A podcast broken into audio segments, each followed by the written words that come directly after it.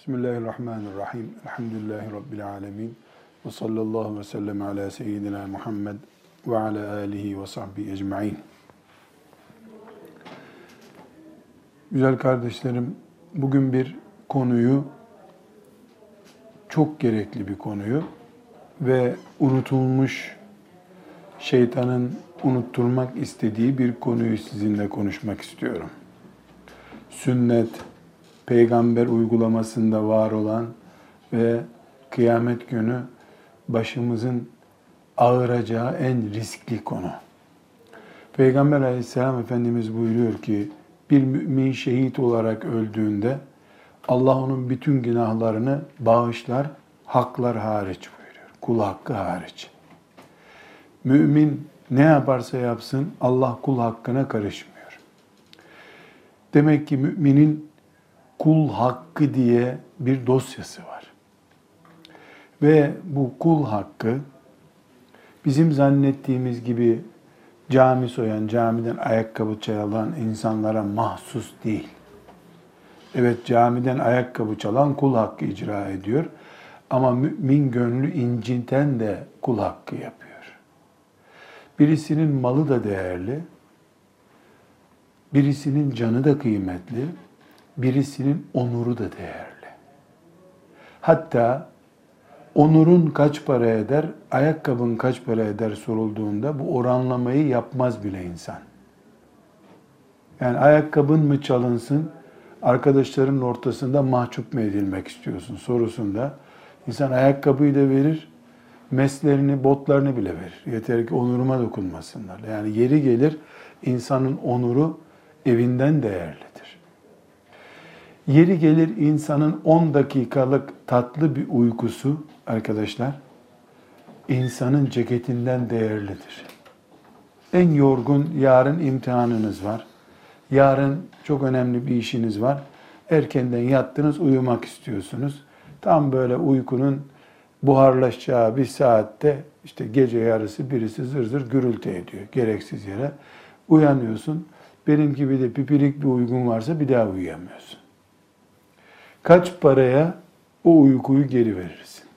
Kaç para eder bu? Birisi benim kalemimi alıp karşıma çıksa kalemimin hırsızı. Bir o benim için hırsız, hakkımı gasp etmiş.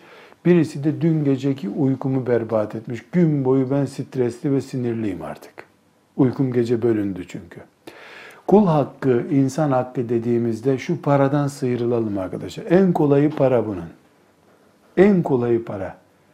Ya kardeşim ben senin bir milyon dolarını çaldım. Bunu ödeyemeyeceğim belli ama ömrümün geri kalan kısmında kapıcılık yapayım senin evde helal et hakkını desen adam yalvararak helal eder sana. Yeter ki kapıcı bedava bir kapıcı bulalım sigorta derdi yok bir şey yok. İşte gel hazır kapıcı. Helal edebilir. Ama benim ismimle oynamışsan sen. Herkes beni filanca meşhur, iyi, saygın bir insan biliyor. Sen bir dedikodu üretmişsin ya da üretilmiş bir dedikoduya katılmışsın ve benim adımı yıpratmışsın sen. İnsanlar nezdindeki çağdaş deyimiyle marka değerimle oynamışsın. Ben kaça satarım ki kendimi? Kaç para? Benim şahsiyetim kaç para? 50 küsür yaşındayım kendim için konuşayım. E bugün geldiğim nokta 50 senelik alın terim benim.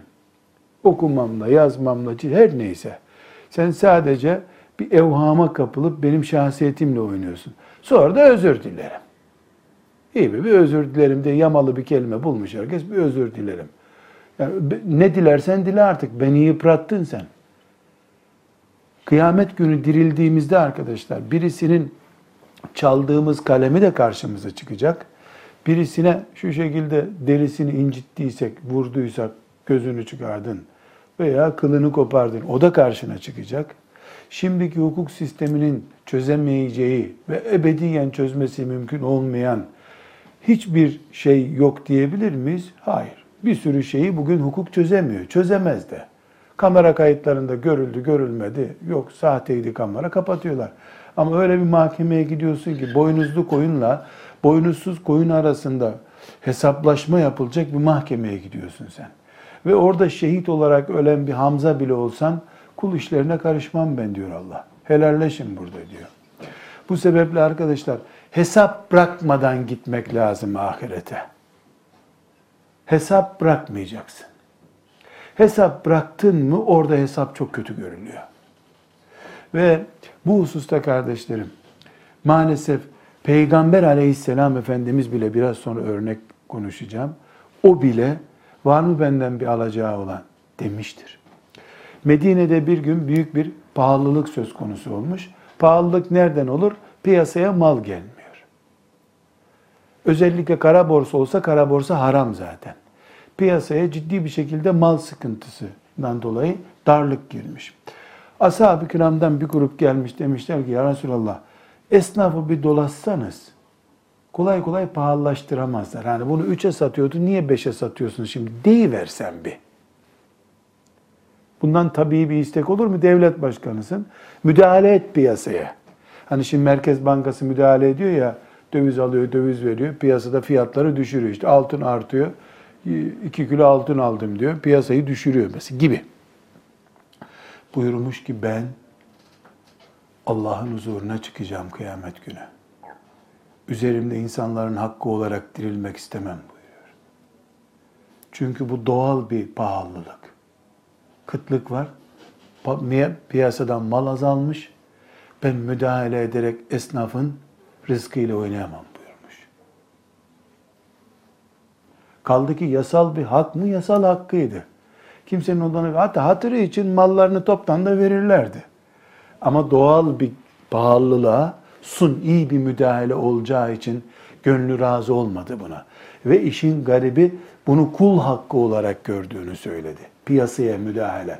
Yani Peygamber Efendimiz bile sallallahu aleyhi ve sellem ben kul hakkı ile ahirette dirilmek istemiyorum buyurduysa bir peygamber olarak ve canlar, mallar her şey ona feda edilmiş birisi olarak bir genç İslam derdiyle yaşayan ve cennete cehenneme iman eden birisi olarak sizin ve benim gündemimde helalleşmeden ahirete gitmek diye bir sıkıntı varsa veyahut da hesap bitirmeden ahirete gitmekten korkmuyorsak arkadaşlar, İslam'ı bir köşesinden delik bırakıyoruz demektir. Bir köşesinden delik bir bidon dolmaz. Doluyor zannedersin. Su hep sızdığı için musluğu kapattın mı boşalacak gene. Sürekli hac yapman lazım. Sürekli Kur'an'ı hiç kapatmaman, sabaha kadar namaz kılman, akşama kadar oruç tutman lazım. Kova delik çünkü. Öbür türlü dolmuyor. Bu sebeple kültürümüze, Müslümanlık kültürümüze hesabı kapatıp gitme diye bir şey ilave etmemiz lazım. Belki bu bizim bu şekilde gündemimize gelmiyor. İslam deyince hep Yahudi ile savaşmak olarak anlıyoruz. Bizim bir de ruh dünyamız var. Eskilerin tasavvuf dediği, şimdileri ise birilerine mahsus bir şey zannedilen, halbuki asıl bünyemiz olan ruh terbiyemiz ki ahiret eksenli, ahireti öne çıkararak yaşama özelliğimizdir biz Müslümanlar olarak. Biz hesap bitirip ahirete gitmiş Müslüman olarak ölmek zorundayız arkadaşlar. Eğer üzerimizde insanların hesabı kapatılmamış bir şekilde yaşıyorsak biz kovamız deliktir, bütçemiz hep açık verecektir. Bu hususu arkadaşlar Peygamber aleyhisselam Efendimizin Buhari'den e, rivayet edeceğim bir hadisi üzerinden değerlendirmek istiyorum. Efendimiz sallallahu aleyhi ve sellem Ebu Hureyre'nin rivayet ettiği bu hadiste buyuruyor ki sizden kimin bir kardeşiyle alıp vereceği varsa hesap dediğimiz şey onunla şimdiden helalleşsin. Eğer burada helalleşmezse dinar ve dirhemin geçerli olmadığı yerde helalleşemeyecek. Dinar ve dirhem altın ve gümüş demek arkadaşlar.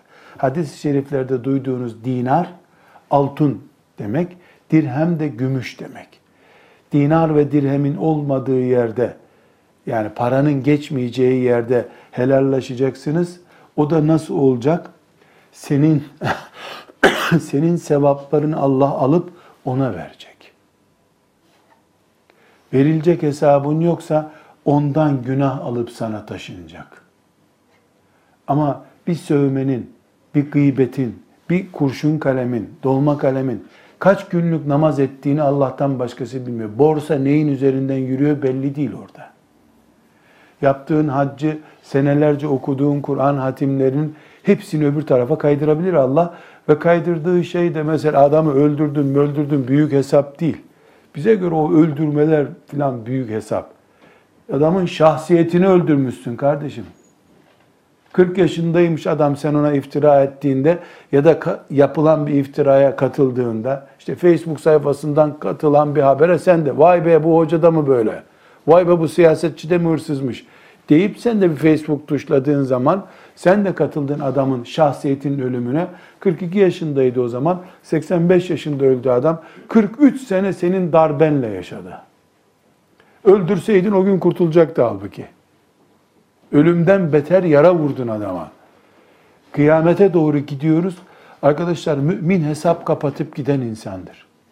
Nasıl lokantada ödemeden giderken garson nereye gidiyorsun abi diye çağırıyorsa melekler de sen nereye geldin hesabı kapatmadan diye sorarlar. Şehit olarak bile ölsen bu hesap kapanmıyor çünkü. Burada arkadaşlar iki nazik örnek vermek istiyorum. Bu iki nazik örneğimi de e, ashab-ı kiramla ilgili hadis-i şeriflerden e, nakletmek istiyorum arkadaşlar. Yani Peygamber aleyhisselam efendimizle ilgili.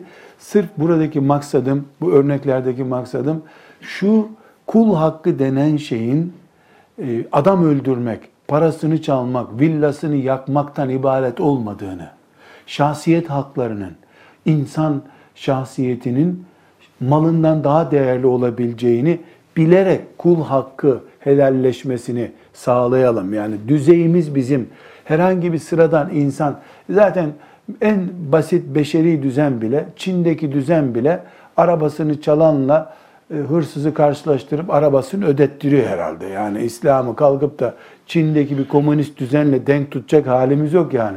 İslam'da çaldığın arabayı ödetir sana desek İslam'ın bir farkı mı olacak bu işte? Nihayetinde Çin'de de bu halk Hong Kong'da da sağlanıyordur herhalde. Singapur'da da bu hakkı sağlıyorlardır. Bırakın da göklerin dini İslam daha ince şeyler düşünsün. Arkadaşlar Abdurrahman bin Ebi Leyla babasından bir hatıra naklediyor. Ee, bu tabi'in neslinden birisi. Üseyd İbni Hudayr isimli bir sahabi espriyel bir adammış. Şaka yapar bir tipmiş. Bir gün Resulullah sallallahu aleyhi ve sellem Efendimizin bulunduğu bir yerde espriler yapıyormuş. Yani bu da Peygamber Efendimiz Aleyhisselam'ın kimliğini gösteriyor. Beyhaki'nin Sünenül Kübra isimli hadis kitabından naklediyorum. Efendimiz de parmağıyla Hüseyin, Hüseyin diye dürtmüş onu. Yani ileri gitme espride, şakada diye dürtmüş. İşte şu şekilde dürtmüş onu, göğsünden dürtmüş. İncittin ya Resulallah, incittin beni demiş. İncittin beni demiş. Efendimiz durdumuş birden. Hüseyin, hakikaten mi incindin demiş. İncindin mi ya Resulallah demiş. Yani acıttın böyle. Gel sen de benden o zaman intikamını al demiş. Senin kalın gömleğin var ben çıplak sayılırdım demiş. Devam ediyor şimdi adam. Kaldırmış gömleğini efendim. E gel tamam sen de aynısını yap buyurmuş. Eğilmiş Efendimizin göğsünü öpmüş. Ya Resulallah senin bedenini bir öpeyim demek istedim. Onun için bunu yaptım sana demiş. Burada güldüğümüz nokta bizim adama bak nasıl espri yapıyor falan o ayrı bir nokta arkadaşlar. Edepsiz zaten şaka yapıyordun sen. Bir de utanmadan hak talep ediyorsun diyebilirdi ona. İncittin kelimesine karşı gel hakkını al. Madem incindin hakkını al diyen bir peygamberle karşılaşıyoruz arkadaşlar. İncindin dediği de çuvalduzu batırmamış göğsüne. Elektrikli jopla da vurmamış nihayetinde. Parmağıyla dürtmüş onu. Hüseyin, Hüseyin. Yani ileri gitme, şakayı büyütme diye. Çok haklı olarak bir baba nasihati gibi nasihat etmiş. Şimdi arkadaşlar bir bu sahneyi düşünelim. Bir de paramparça ettiğimiz bir şahsiyet sahibiyle hiçbir helallik ihtiyacı duymadan, hesabı kapatmadan ahirete gitmekten korkmadığımızı düşünelim. Çok fark var ikisi arasında. Bir peygamber anlayışı, bir de o peygambere e, iman ettiğini söyleyen bir Müslüman anlayışı. Arkadaşlar başka bir hatırayı Aiz bin Amr isimli zat naklediyor. Ebu Sufyan e, denen e, zat radıyallahu anh yani sonra sahabiden oldu. E, ama uzun zaman Mekke'nin fethine kadar e, sahabilik ünvanını yakalayamadı. Müşriklerin başı olarak yaşadı ve Hendek'te de Efendimiz sallallahu aleyhi ve sellem'i öldürmek için geldi. Ama sonra Allah iman açtı, kalbine koydu. Ee, Ebu Sufyan, Muaviye isimli sahabinin babasıdır. Bu zat Medine'de gezerken Selman, Suheyb ve Bilal isimli üç sahabinin bulunduğu, yani üç sahabi Selman, Suheyb ve Bilal bir yerde oturuyorlar. Ee, onların yanından geçmiş, selam vermiş. Şimdi onlar aleykümselam gitmişler. Bu üç sahabi de gariban kadrodan. Ee, o gidince demişler ki İslam'ın kılıcı bu adamın kafasını koparmalıydı. Fazladan yaşıyor demişler. Az zayiat vermemiş ashab-ı kirama daha önce. Ebu Bekir radıyallahu anh da bu sahneye şahit oluyor. Ebu Süfyan hakkında İslam bunun kafasını koparmalıydı. Yani bu böyle iman ettim diye kurtuldu burada. Bunun kellesi alınmalıydı diye muhabbet ettiler ya. Ebu Bekir de bu muhabbeti duymuş. Dönmüş onlara demiş ki arkadaşlar demiş. Aynen böyle arkadaşlar ve Sahih-i Müslim'den hadis naklediyorum. Böyle Ramazan'daki menkıbelerden bir menkıbe değil bu. Arkadaşlar demiş. Yahu bu Kureyş'in büyük aile reislerinden biri. Böyle kaba niye konuşuyorsunuz demiş. Ebu Bekir gibi İslam'ın bir numara adamı kendinden daha küçük durumdaki üç Müslümana nasihat etmiş. Yani böyle kaba bir söz söylemeyin demiş. Mesele Efendimiz'e bir yolla intikal etmiş. Dönmüş Efendimiz buyurmuş, Ebu Bekir, olmaya sen o gariban üç kişinin gönlünü kırdın. Eğer onların gönlünü kırdıysan vay haline kıyamet günü demiş. Deme ya Resulallah demiş. Katlamış gitmiş Suheyb'i, Bilal'i ve Selman'ı bulmuş. Kardeşlerim demiş. Geçen konuştuğumuz olaydan dolayı kalbiniz kırıldı bana küstünüz mü demiş. Yok vallahi yok. Öyle bir şey yok. Ebu Bekir demişti. Senin ikazını ikaz kabul ettik. Hay Allah sizden razı olsun demiş. Arkadaşlar bakın burada kaç sahne var. Ebu Sufyan'a sataşmakla onlar aslında yanlış iş yapıyorlar. Buna rağmen Ebu Bekir ağabeylik yapıyor onlara. Ama yaptığı ağabeylik tarzı biraz ağır, gönül kırıcı. Resulullah sallallahu aleyhi ve sellem bunu onları darılttıysan Allah'ı da darıltırsın. Çünkü onlar zavallı mümin gariban burada. Darıltmayacaksın onları buyurmuş. Ebu Bekir'deki üstünlüğe de bak sen. Git sanki böyle adam dövmüş, yaralamış gibi helallik iste adamlardan.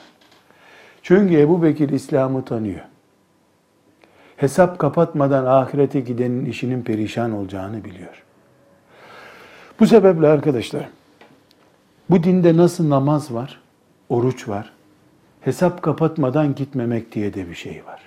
Bunu insanlar unutmuş olabilir. Biz unutulsun veya unutulmasın Resulullah'ın terbiyesini üzerimizde hissetmeli, hissettirmeliyiz.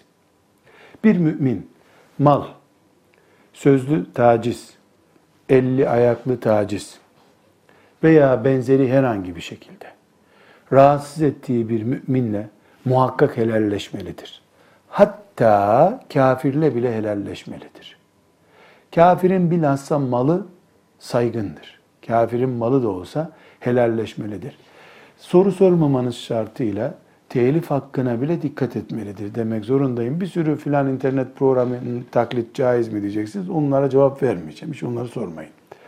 Yani telif hakkı diye bir şey var ya kayıp ring midir nedir? Ona da riayet. Okul hakkı çünkü. E bu filan Amerikalı firmanın e, Amerikalı mı Amerikalı? Amerikalı da dirilecek kıyamet günü. Keçilerin dirildiği yerde Amerikalılar dirilmeyecek mi? Boynuzlu boynuzlu dirilecek onlar da nihayetinde. Her halükarda arkadaşlar hesap kapatarak gitmek lazım.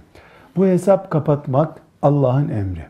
Fakat İslam ikinci bir kural daha koyuyor önümüze. Diyor ki eski kabahatleri deşifre etmek de caiz değil diyor. 15 yaşındayken adamın bilgisayarını çalmıştın. Şimdi 25 yaşında bu sözleri dinledin. Hesabı kapatayım diyorsun. Adam o zaman onu çalanın anasına babasına sövmüş. Vurursam, yakalarsam öldüreceğim demişti. Şimdi gittin. Üstelik de sen üniversiteli saygın bir beyefendi biliniyorsun. Abi bildiğin gibi değil. Bu sövdüğün adam benim. Ben çalmışım senin bilgisayarını diyorsun. Vay lan biz de seni üstelik bursumuzla okutuyorduk diye bir daha kalaylıyor seni. Her yere seni deşifre ediyor. Bir dosyayı beşe ona çıkarmış oluyorsun sen. Bu da caiz değil. O zaman hesap kapatırken gizli rakamlarla kapatmak lazım arkadaşlar. Bir var ki milletin önünde kavga etmiştiniz zaten. Gidip alenen helalleşirsin. Bir de gizli bir iş vardı. Gizli işleri deşifre etmemek lazım. İslam'ın genel emri budur. Çünkü biz onur düzeltmek için ahirette hesap sorun olmasın diye uğraşırken e, dünyada rezil olmak da söz konusu değil. Mümkün olduğu kadar onur kırmadan, onurumuzu pazarlamadan helalleşme yolları bulmalıyız. Bu helalleşme eğer onur kırmadan mümkün olmuyorsa, adam hakkını helal etmiyorsa, ayağımı öpeceksin diyorsa ayağını öpeceksin. Hiçbir çaresi yok. Ben de sana iki yumruk vuracağım diyorsa şükret bir de elini öp adamın. Böyle iyice geril, rahat vursun adamcağız. Çünkü kıyamet günü yumruklarından daha iyidir. Kıyamet günü çok fena yumruk vuracak çünkü. Orada knockout olacaksın. Burada bir sendeler kalkarsın hiç olmasın. Ahirete gitmeden hesap kapatacağız. Para ise parayla, özürse özürle, el öpmekse el öpmekse. Ve arkadaşlar hukuk okuyanlarınız bilir, manevi tazminat takdir edilirken kişinin şahsiyetine ve verdiğin zarara göre ortak bir payda bulunuyor. Bilhassa manevi haklar üzerinden helalleşilirken bu ortak payda ahirette de bulunacak. Bir alimin iffetiyle uğraşmakla sıradan bir insanın iffetiyle uğraşmak aynı değil. 4-5 çocuk babası, annesi bir insana zina iftirasına katılmakla bekar bir delikanlıya iftira, et, iftira etmek aynı şey değil. Hepsi iftira, hepsi cürüm ve ahirette hesap olarak intikal edebilecek şeyler ama dünya ve insanlık onuru çok daha geniş bir perspektiften ölçüyor. Allah da öyle ölçüyor. Çünkü senin bir alime veya bir siyasetçiye yaptığın iftira pek çok insan açısından rahatsız edici. Ahmet'le Mehmet'e yaptığınsa sadece o ve ailesi tarafından etkilenici. Bu hesapları iyi yapıp ahirete gitmeden hesap kapatıp gitmek lazım arkadaşlar. Bu hesap pahalı da olsa çaresi yok. Ahirette namazları vermekten iyidir. Oruçları vermekten iyidir. Allah hesapsız gitmeyi hepimize nasip etsin.